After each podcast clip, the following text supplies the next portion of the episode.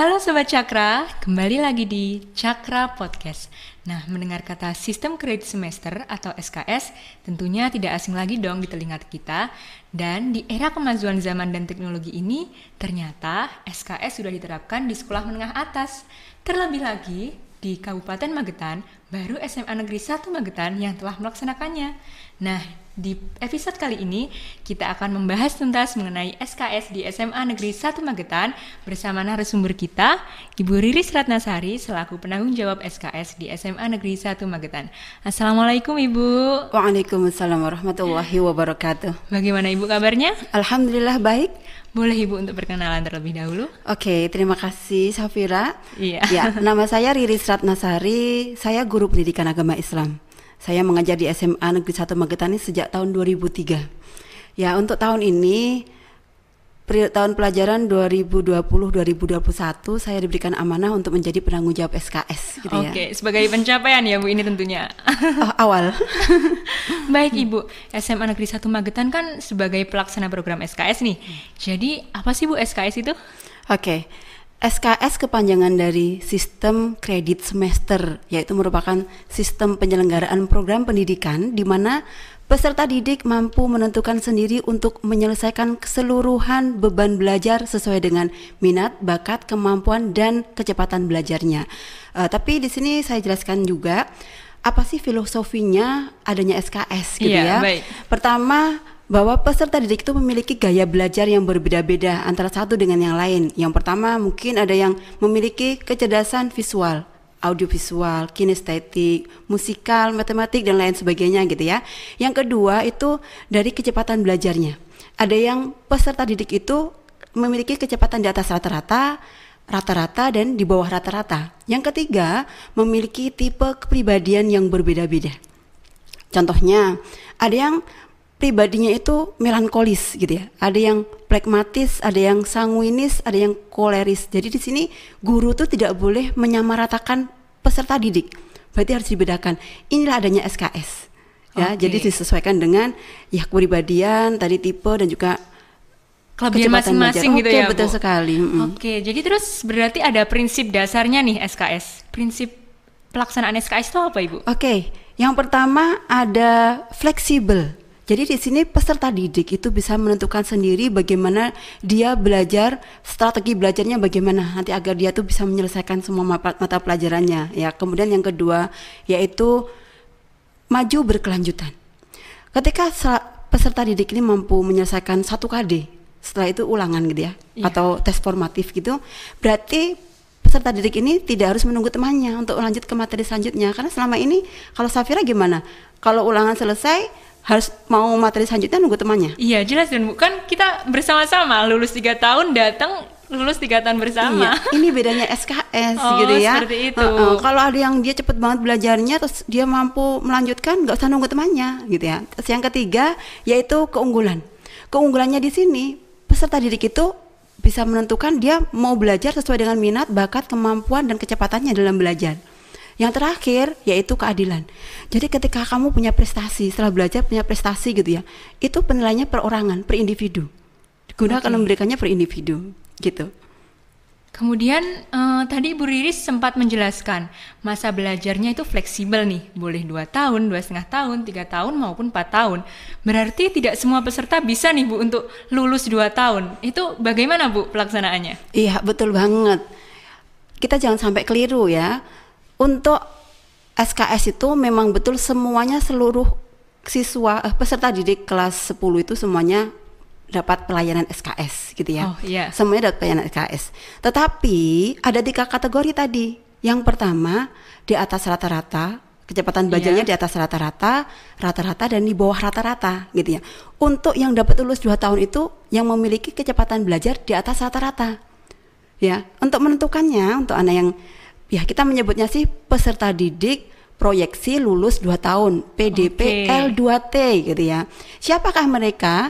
Kita tim tim SKS itu akan mengadakan seleksi. Yang pertama, seleksi yang dilakukan untuk mencari siapa sih PDP 2L2 PDP L2T gitu ya. Yang pertama adalah kita lihat dari rata-rata nilai rapot waktu SMP. Oke. Kedua, nilai KD 3.1, 4.1 ini hasil tes formatif pertama. Oke. Tapi dari 50% semua nilai dari mata pelajaran itu nilainya harus A. Yang ketiga, di sini kita ada tes IQ, berarti dilihat dari tes IQ. Oke, ya. berarti itu pelaksanaannya waktu di SMA ya, oh Bu? iya betul tes itu? sekali di SMA Negeri 1 Magetan. Iya. Setelah kita temu tiga nilai ini, baru kita pilah-pilah tiap kelas sekitar 3 sampai 5 peserta didik gitu ya. Setelah itu kita adakan lagi tes tes tulis. Setelah tes tulis ada tes wawancara. Baru setelah kita menemukan dari perwakilan kelas tadi kita temukan kita cari yang benar-benar memenuhi persyaratan untuk lulus 2 tahun gitu ya. Setelah kita nemukan tadi, kita ada wawancara dengan kedua orang tuanya. Oke, berarti selain pihak peserta didik sendiri, keterlibatan orang tua juga penting banget nih Bu di sini. Sangat perlu. Kalau kita contohnya menawarkan kepada peserta didiknya, dia kamu lulus nih ya, bisa lulus 2 tahun. Tapi kalau orang tuanya tidak menyepakati, nggak menyetujui, nggak bisa. Oh, begitu. Berarti harus persetujuan antara kedua belah Iya, pihak ini betul sekali. Iya. Oke, jadi eh, dari seleksi yang telah dilaksanakan tadi, ada berapa peserta didik nih Bu yang terjaring dalam peserta didik proyeksi lulus 2 tahun? Iya. Tahun pertama. Ini Iya. kan kita bicara tahun pertama Benar ya. sekali. Sama kisah itu kita menemukan ada 20 peserta didik. 16 dari jurusan MIPA dan 4 dari jurusan IPS. Oke, berarti tetap penjurusan nih Bu langsung. Iya. Oke, jadi dalam tanda kutip nih, berarti peserta didik yang lulus tiga tahun, empat tahun maupun dua setengah tahun itu bukan seistimewa peserta didik yang lulus dua tahun atau bagaimana nih Bu? Iya, kalau kita bilang istimewa sebenarnya peserta didik SMA Negeri 1 Magetan itu semuanya istimewa. Benar sekali. Oh, betul sekali ini Saya istimewa. merasakan sendiri pemirsa. Iya. Berarti i- siapakah mereka yang bisa lulus 2 tahun ya tadi ketika memenuhi persyaratan tadi ya kriteria tadi. Kemudian yang kedua, ternyata ada peserta didik itu yang dia memenuhi persyaratan untuk lulus 2 tahun. Ternyata ada yang tidak setuju orang tuanya atau mungkin anaknya memang dia pengen santai selama sekolah nggak terbebani gitu. Iya. pengennya bisa masih berlama-lama dengan temannya akhirnya tidak bisa lulus untuk dua tahun. Dia milih tiga tahun. Itu sangat diperbolehkan. Kemudian yang empat tahun itu bagi siapa? Empat tahun itu bukan untuk peserta didik yang tidak naik kelas. Iya. ya kalau selama ini kita tahu Empat empat tahun, oh, tuh, asumsinya oh, pasti nggak naik iya. kelas. Padahal tidak. Empat tahun itu bagi peserta didik yang mungkin dia punya bakat dia Oke. pengen jadi artis gitu contohnya ya atau dia punya bakat di bidang olahraga dia harus eh, melakukan olahraga itu lombanya sampai sekitar tiga enam bulan gitu ya daripada dia izin mending dia ambil cuti akademik Oh, gitu ya terus yang kedua mungkin ada yang ikut Safira pernah nggak ikut tes AFS gitu pertukaran pelajar ke luar negeri Belum Bu. Oh iya, tapi kakak kelas mah ada Iya. ya. Iya. Itu bisa mengambil cuti akademik karena dia ada Oh. pertukaran pelajar ke luar negeri. Terus yang ketiga, eh, kalau ini jangan sampai terjadi ya, untuk anak yang peserta didik itu sakit, dia perlu perawatan khusus gitu ya. Butuh waktu yang lama, akhirnya dia harus cuti. Tapi ya kita harapkan semuanya nggak sampai 4 tahun sih, 2 sampai 3 tahun saja. Iya. Oke, jadi dari hal tersebut dapat ditegaskan kembali bahwa peserta didik yang lulus dua setengah, tiga tahun dan empat tahun itu bukan berarti peserta didik tersebut tidak seluar biasa peserta didik yang lulus dua tahun, melainkan peserta didik tersebut juga mempunyai bakat-bakat luar biasa. Seperti itu, Bu. Iya, betul banget. Oke, karena sekolah kita nih SMA Negeri 1 Magetan baru tahun pertama melaksanakan program SKS. Apa Bu yang dilakukan sekolah untuk menggapai yang terbaik tentunya? Iya. Tugas sekolah yang pertama pastinya akan menyediakan fasilitas layanan utuh setiap mata pelajaran bagi pembelajaran cepat atau mungkin di atas rata-rata, rata-rata dan di bawah rata-rata. Ya, kita berikan namanya layanan UKBM. Unit kegiatan belajar mandiri. Jadi dengan adanya unit kegiatan belajar mandiri itu peserta didik dia akan yang dulunya dia suka belajar semakin suka belajar lagi karena ada tantangan di situ. Ya, ketika dia, dia bisa menyelesaikan satu KD dia akan berlanjut lagi ke KD selanjutnya. Oke. Selain itu ada har- seorang guru atau seluruh warga semasa se- ya warga Iya. sekolah ya itu harus merubah mindsetnya yang selama ini bahwa peserta didik itu sama kita rubah semuanya bahwa sekolah pada prinsipnya peserta didik itu harus kita layani sesuai dengan eh, Kelebihan masing-masing, iya, iya. berarti mereka tuh pribadi yang unik Iya. gitu ya. Terus yang kedua, kita harus melayani, memfasilitasi adanya master learning, pembelajaran tuntas. Ya. Seperti apa itu, Bu? Berarti ketika belajar harus mampu menyelesaikan semua KD yang dipelajari. Berarti nggak ada tadi kan nggak ada naik kelas nih. Iya. Berarti harus tuntas. Berarti guru harus mampu melayani sampai peserta didik itu tuntas dan paham banget materinya. Oke, jadi di sini tuh peran peserta didik dan guru itu harus balance gitu iya, ya, Bu? betul sekali karena kita saling melayani kan dilayani. Kebutuhan peserta didik apa, gurunya pasti akan melayani. Iya, berarti saling keakrabannya itu jiwa orang tua dan murid itu semakin erat tentunya. Mm, betul sekali. Oke, jadi em, kemudian nih untuk terjun ke pembelajarannya nih Bu sekarang. Untuk pembelajaran atau KBM-nya nih, bagaimana? Terlebih lagi situasi dan kondisi saat ini yang negara dilanda COVID-19, yang apa peserta didik PDPL 2T harus menyelesaikan selama 2 tahun. Bagaimana ini Bu prosesnya? Ini kalau dibilang bingung, ya bingung juga, susah ya susah juga, Iya. tapi senang juga senang loh ya. Kenapa gini? Sebenarnya adanya COVID-19 ini semakin membuat guru, guru ini ya untuk semakin kreatif lagi. Apalagi Oke. peserta didiknya. Jadi ketika anak terutama yang PDP L2T itu ketika harus menyelesaikan dalam waktu 2 tahun. Iya, Seharusnya tantangan tersendiri gitu eh, Bu. Tiga tahun, tapi ter, dua tahun harus selesai. Iya. Ini bagaimana? Makanya guru itu memberikan tiga layanan. Pertama, bentuknya klasikal.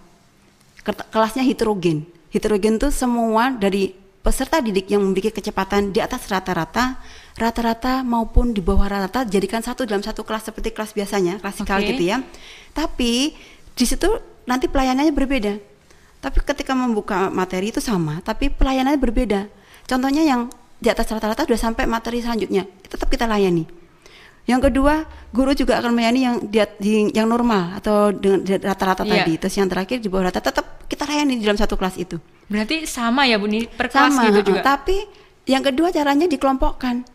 Oh gitu. Dikelompokkan duduknya. Anak di atas rata sendiri, contohnya sebelah kiri gitu Iya. ya. Nanti yang normal di yang, yang tengah, yang rata-rata yang terakhir untuk anak yang di bawah rata di pinggir lagi. Ini untuk memudahkan untuk eh, Pembelajarannya. pembelajarannya. Ya betul sekali. Terus satu lagi nih, ada kelas homogen khusus untuk peserta didik yang lulus 2 tahun itu dijadikan satu, satu kelas Oke. untuk Bu. diberikan materi pelajaran yang sama untuk seluruh mata pelajaran seperti itu.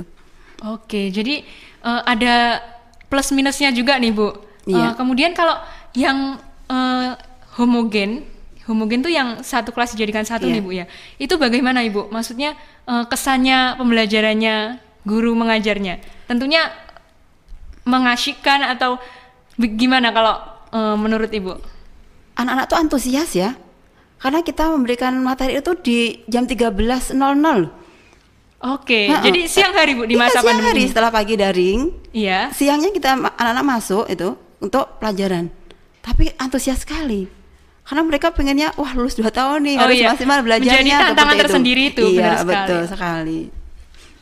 Kemudian Ibu, eh, Ibu Riris sebagai penanggung jawab SKS di SMA Negeri 1 Magetan tahun pertama. Bagaimana kesan Ibu menanggapi hal ini?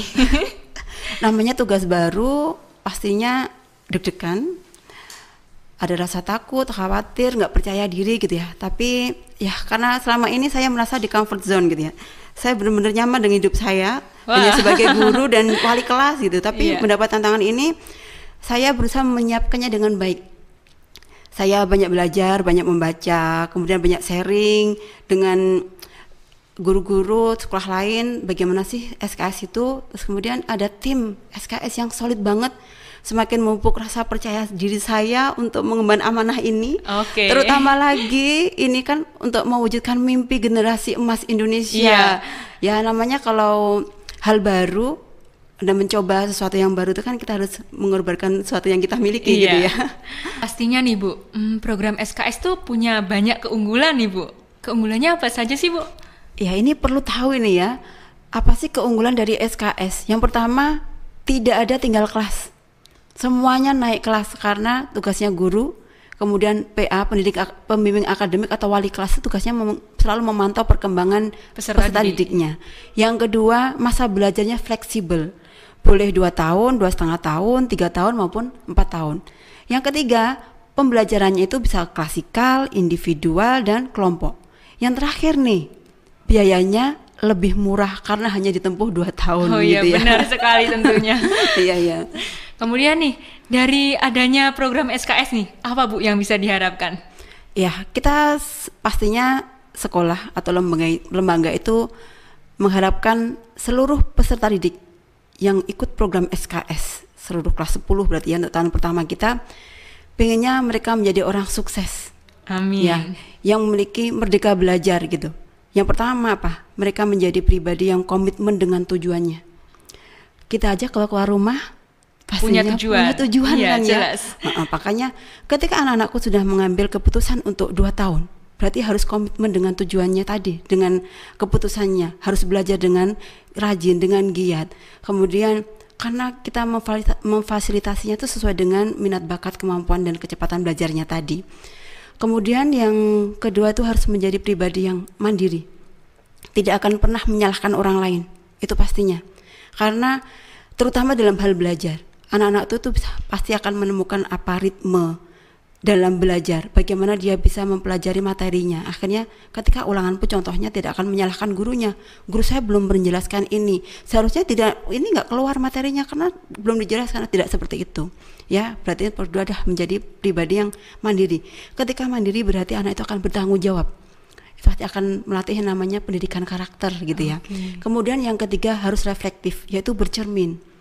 Pasti akan melihat apa kekurangan saya dan apa kelebihan saya ketika orang bercermin itu pastinya mengerti bu ah, kadang-kadang oh, begini gini. ketika bercermin tuh kelihatan keburukan kita loh iya iya kalau tahu keburukannya biasanya orang tuh nggak mau menerima kritik ini yang diharapkan untuk peserta didik kita mau menerima kritik dari siapa pun karena ini menjadi batu loncatan kita untuk lebih baik lagi. Iya, benar iya. sekali.